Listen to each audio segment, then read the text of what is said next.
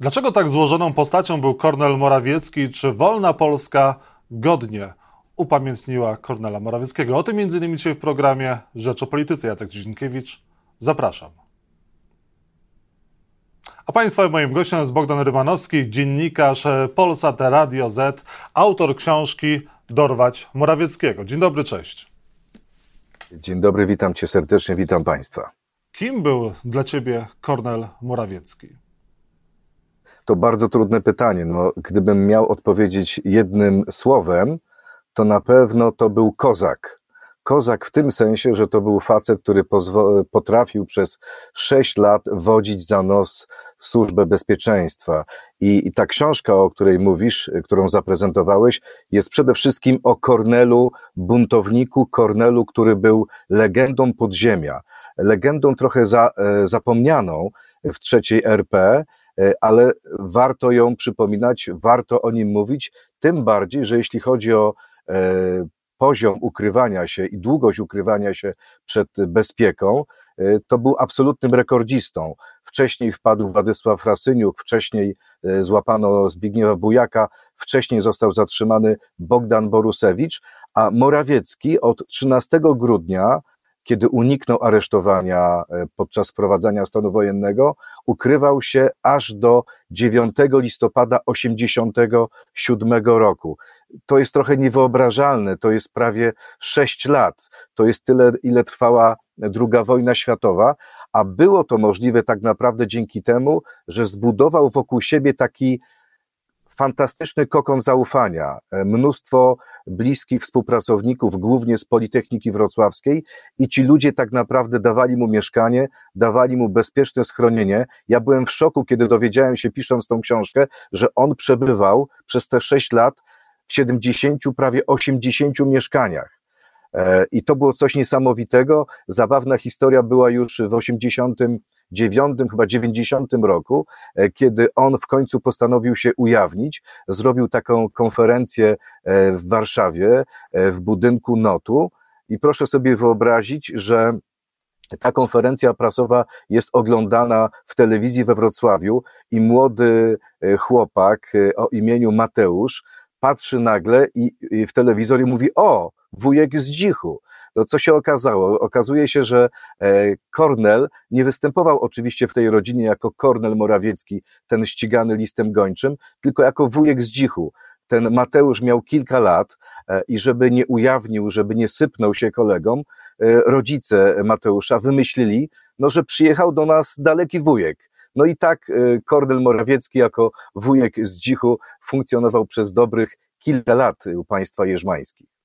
Lech Wałęsa i niektórzy działacze Solidarności mówią, że Kornel Morawiecki był zdrajcą i tak naprawdę rozbijał Solidarność. Ile w tym jest prawdy, a ile w tym wzajemnych urazów i walki o legendę? Ja myślę, ja myślę, że e, dużo jest tutaj tak naprawdę urazów z czasów przeszłości, ale bardzo dużą rolę odgrywa chyba też współczesna polityka, bieżąca polityka, bo to jest nie tylko konflikt Lecha Wałęsy z Kornelem Morawieckim. To nie tylko są te słowa, kiedy e, zaraz po pogrzebie Kornela Morawieckiego e, Lech Wałęsa wystąpił na konwencji Platformy i powiedział o Morawieckim, że to był zdrajca, że to był człowiek, który w czasach stanu wojennego doprowadził do rozłamu w podziemnej Solidarności.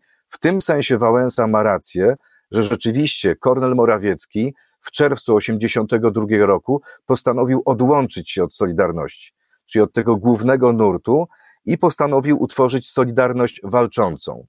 E, ale w tym sensie jest to nieprawda, że to jest zdrada, bo to nie była zdrada ideałów. Co najwyżej była to próba samodzielnego, e, samodzielnej walki z komuną. Na to oczywiście nałożyły się bezpośredni konflikt między Kornelem Morawieckim a Władysławem Frasyniukiem. Początek 1982 roku to było pytanie, jak walczyć z komuną. E, to były czasy bezsilności, bezradności. Mówiło się 13 grudnia, zima wasza, wiosna nasza. Przyszła wiosna, okazało się, że Solidarność siedzi w więzieniach, e, w internatach, w ośrodkach internowania siedzą tysiące ludzi. No i Morawiecki uważał, wbrew temu, co myślał Władysław Frasyniuk, a obaj funkcjonowali we Wrocławiu, że trzeba wyjść na ulicę, że ludzie muszą się policzyć, że ludzie muszą się zobaczyć. Władysław Frasyniuk był za taką opcją jednak bardziej umiarkowaną. Mówił, że nie możemy narażać ludzi na pałki zomowców na ulicach. Musimy strajkować, musimy przeprowadzać akcje strajkowe w zakładach pracy. No i to sprawiło, oprócz tego oczywiście były tam różne sytuacje personalne. E, jeden wobec drugiego miał e, pewne uwagi. Władysław Rasyniuk na przykład był osobą, która dysponowała pieniędzmi. Kornel Morawiecki chciał, żeby te pieniądze, część tych pieniędzy została przeznaczona na jego działalność, ale tak naprawdę do czerwca 1982 roku oni pracowali razem pracowali razem na rzecz Solidarności, więc tutaj o żadnej zdradzie nie ma mowy. Natomiast rzeczywiście 82 rok, czerwiec, to jest ten moment, kiedy w tym, e, można powiedzieć, jednolitym ruchu związkowym, ruchu podziemnym, następuje wyłom.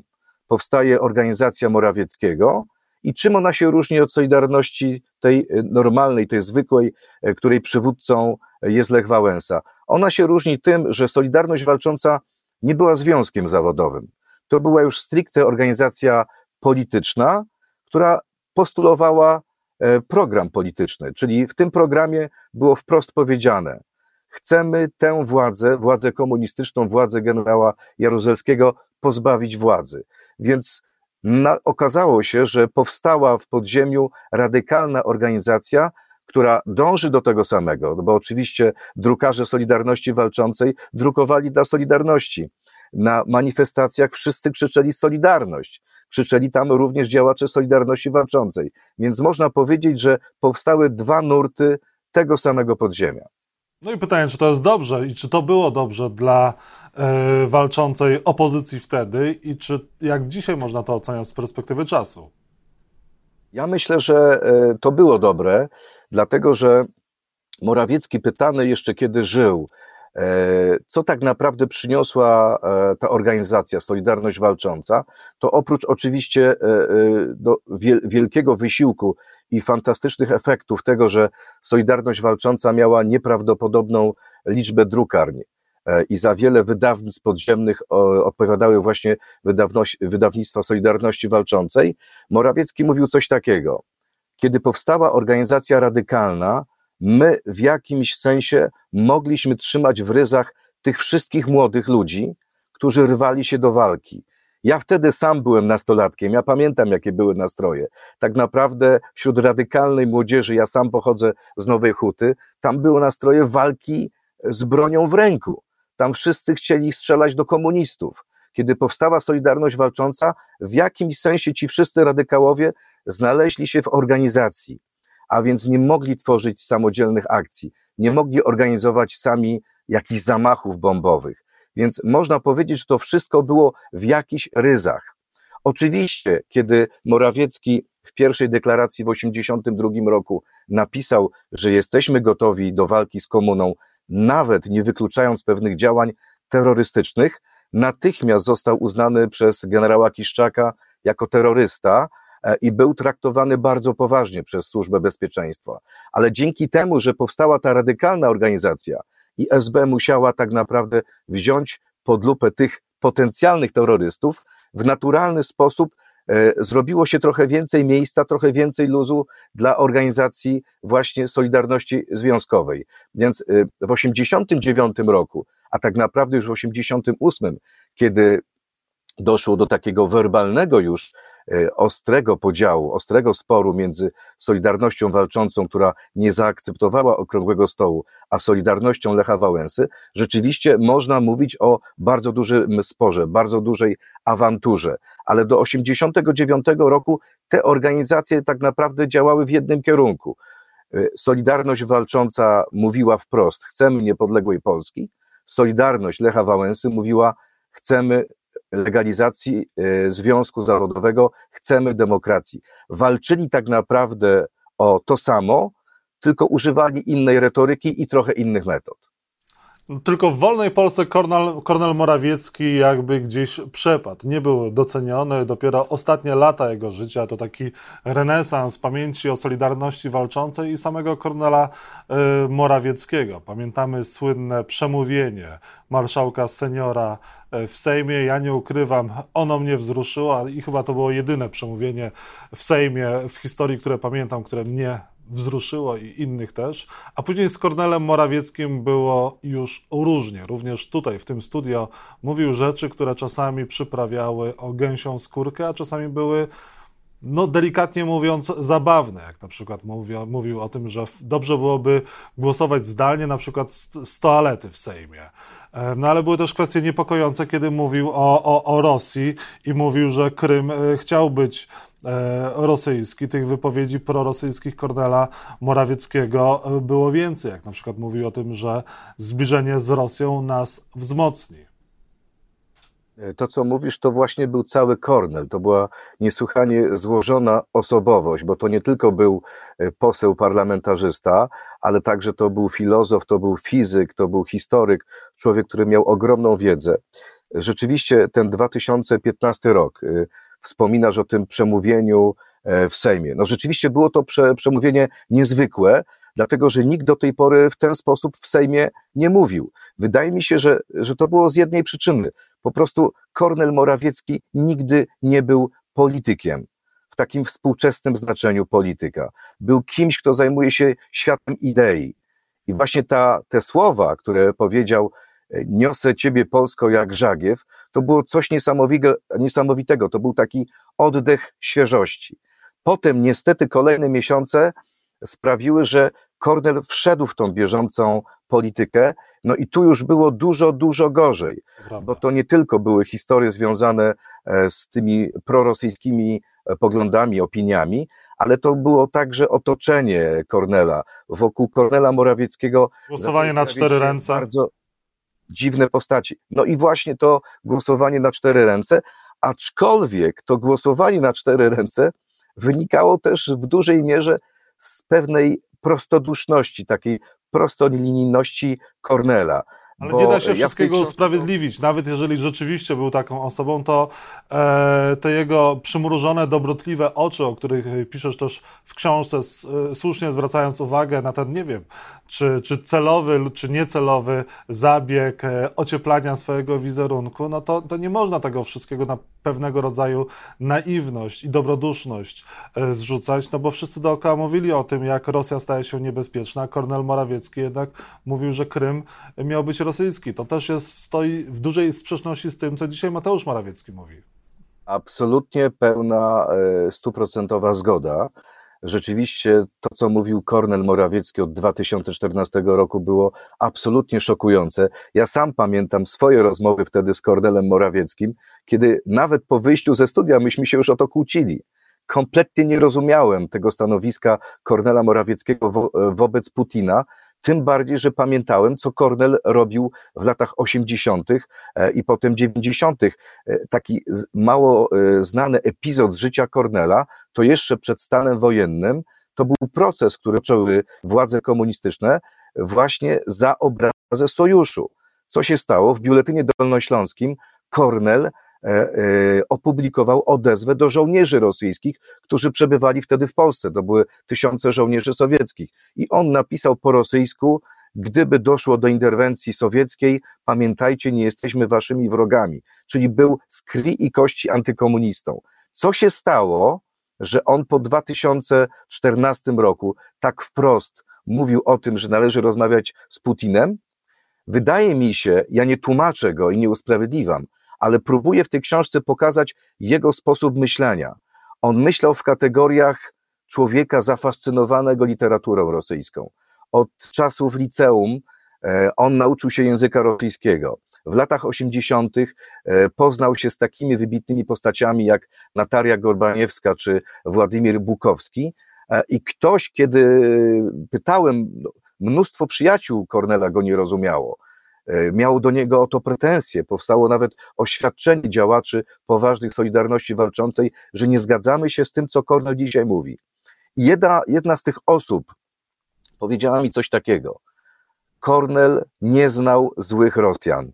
On znał tylko dobrych Rosjan. Ale to oczywiście nie usprawiedliwia Kornela w tym, co mówił. No, wy, wydaje się, że e, tutaj przejawiał wielką naiwność wobec, wobec Rosjan.